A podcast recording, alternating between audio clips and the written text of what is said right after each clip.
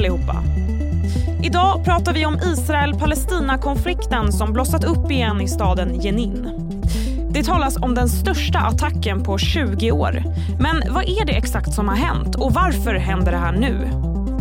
Vi frågar Israelkännaren Anders Persson. Vi ska också prata om så kallade airtags, små spårsändare som börjat användas av stalkers. Och som vanligt får du även de allra senaste rubrikerna. Du lyssnar på Läget, Expressens dagliga nyhetspodd med mig, Sally Sjöberg.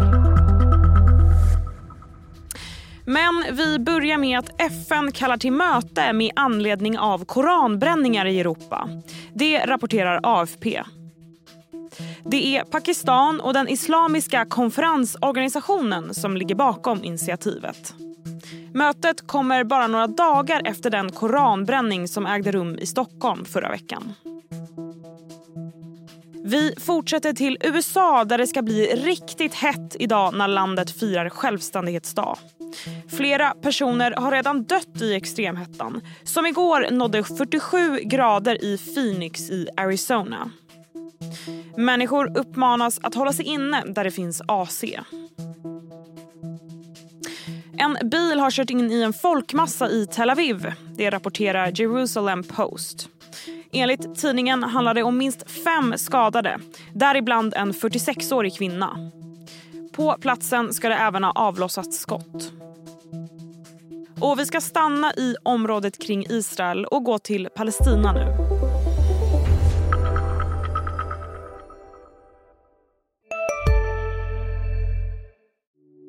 Hej, Ulf Kristersson här. På många sätt är det en mörk tid vi lever i. Men nu tar vi ett stort steg för att göra Sverige till en tryggare och säkrare plats. Sverige är nu medlem i Nato. En för alla, alla för en. Har du också valt att bli egen? Då är det viktigt att skaffa en bra företagsförsäkring. Hos oss är alla småföretag stora och inga frågor för små. Swedeas företagsförsäkring är anpassad för mindre företag och täcker även sånt som din hemförsäkring inte täcker. Gå in på swedea.se företag och jämför själv.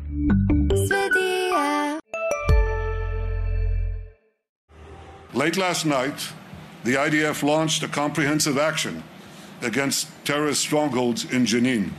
Vi ska till Västbanken nu där staden Jenin attackerats av israeliska styrkor. Vid tio på förmiddagen tisdag rapporteras det att minst tio dödats i attacken och att tusentals palestinier flyr flyktinglägret i Jenin. Med mig har jag Anders Persson. Du är lektor i statsvetenskap vid Linnéuniversitetet och forskar om Israel-Palestina-konflikten. Anders, vad är det som händer på Västbanken just nu? Det talas om en militär insats från Israels håll.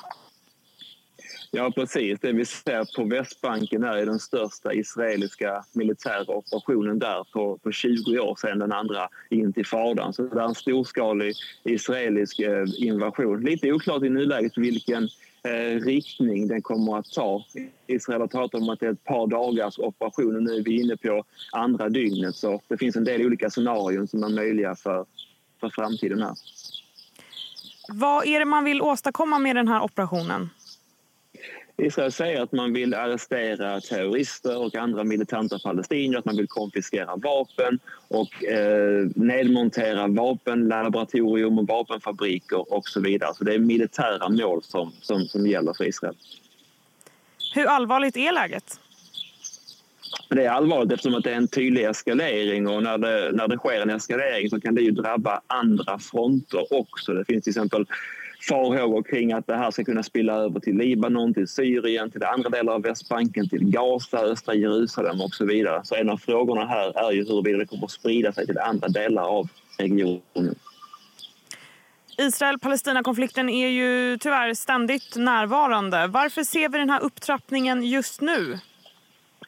Det har varit oroligt både i Israel och eh, på de palestinska områdena under en längre tid nu och särskilt under hela det här året med rekordstort antal döda på båda sidor och väldigt mycket attacker eh, fram och tillbaka.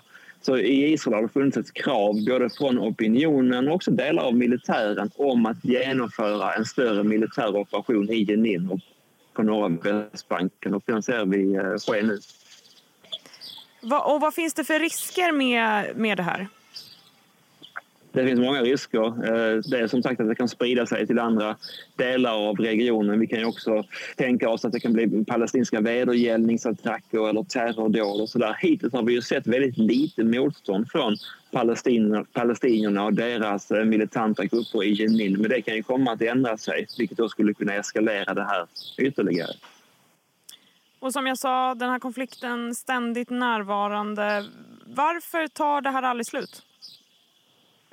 Eh, därför att det inte finns några politiska lösningar för, för Israel och Palestina och också väldigt lite påtryckningar från, från omvärlden. Eh, just nu så är ju Israel och Palestina-konflikten i skuggan av eh, kriget i Ukraina så det är väldigt litet tryck och eh, ingen politisk eh, horisont eh, vare sig i Israel eller, eller på de palestinska områdena. Det gör att konflikten, eller konflikterna fortsätter. Vi fortsätter följa vad som händer. Tack så mycket, Anders. Tack så mycket. Nu blir det fler nyheter. Kanske har du hört talas om diabetesmedicinen Ozempic som kändisar använt för att gå ner i vikt. Nu riktar Hobbs, Riksförbundet för hälsa oberoende av storlek, kritik mot medier som de menar har ignorerat överviktiga personer i bevakningen. Det här rapporterar Sveriges Radio. Förbundet menar att media skrivit om kändisarna som använder Ozempic och helt missat att nämna överviktiga som kämpar för att få läkemedlet. Och nu till en populär teknikpryl som experter varnar för.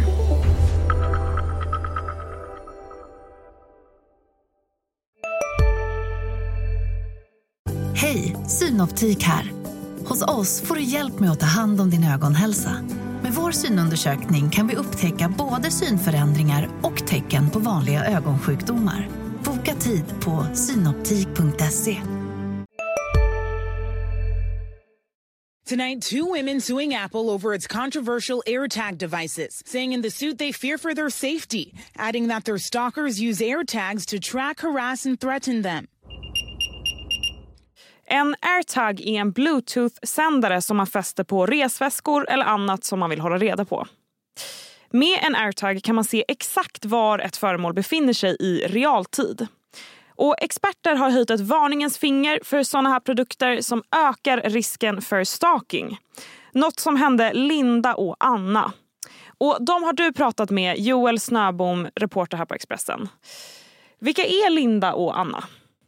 Ja, men det är två kvinnor som bor i Köping och Eskilstuna och eh, deras fall hänger liksom inte ihop men eh, jag har i alla fall pratat med båda dem eh, och de berättade att de fick upp en eh, notis på sina telefoner eftersom de har iPhone-telefoner och airtagsen är Apple-produkter. Ehm, och så kunde de spela upp ett ljud från airtagsen med hjälp av telefonerna. Eh, och båda kunde då lokalisera ljudet till sin bil. Eh, och deras första tanke var väl liksom att det var någon av deras kompisar som kanske hade glömt den i bilen eller så. Men eh, för båda de gick det ju upp sen att det var någon som ville spåra dem mot deras vilja. Och vad kände de då när de upptäckte det här? Ja men eh, de blev båda oroliga. Um, om en person liksom är eh, så förslagen att den sätter en spårsändare på ens bil eh, så kände de liksom en oro för så här, vad kan den här personen göra mer? Och de undrade såklart över vem det var som hade satt dit den och vad syftet med det var. Eh, så de blev ju båda rädda och ringde polisen.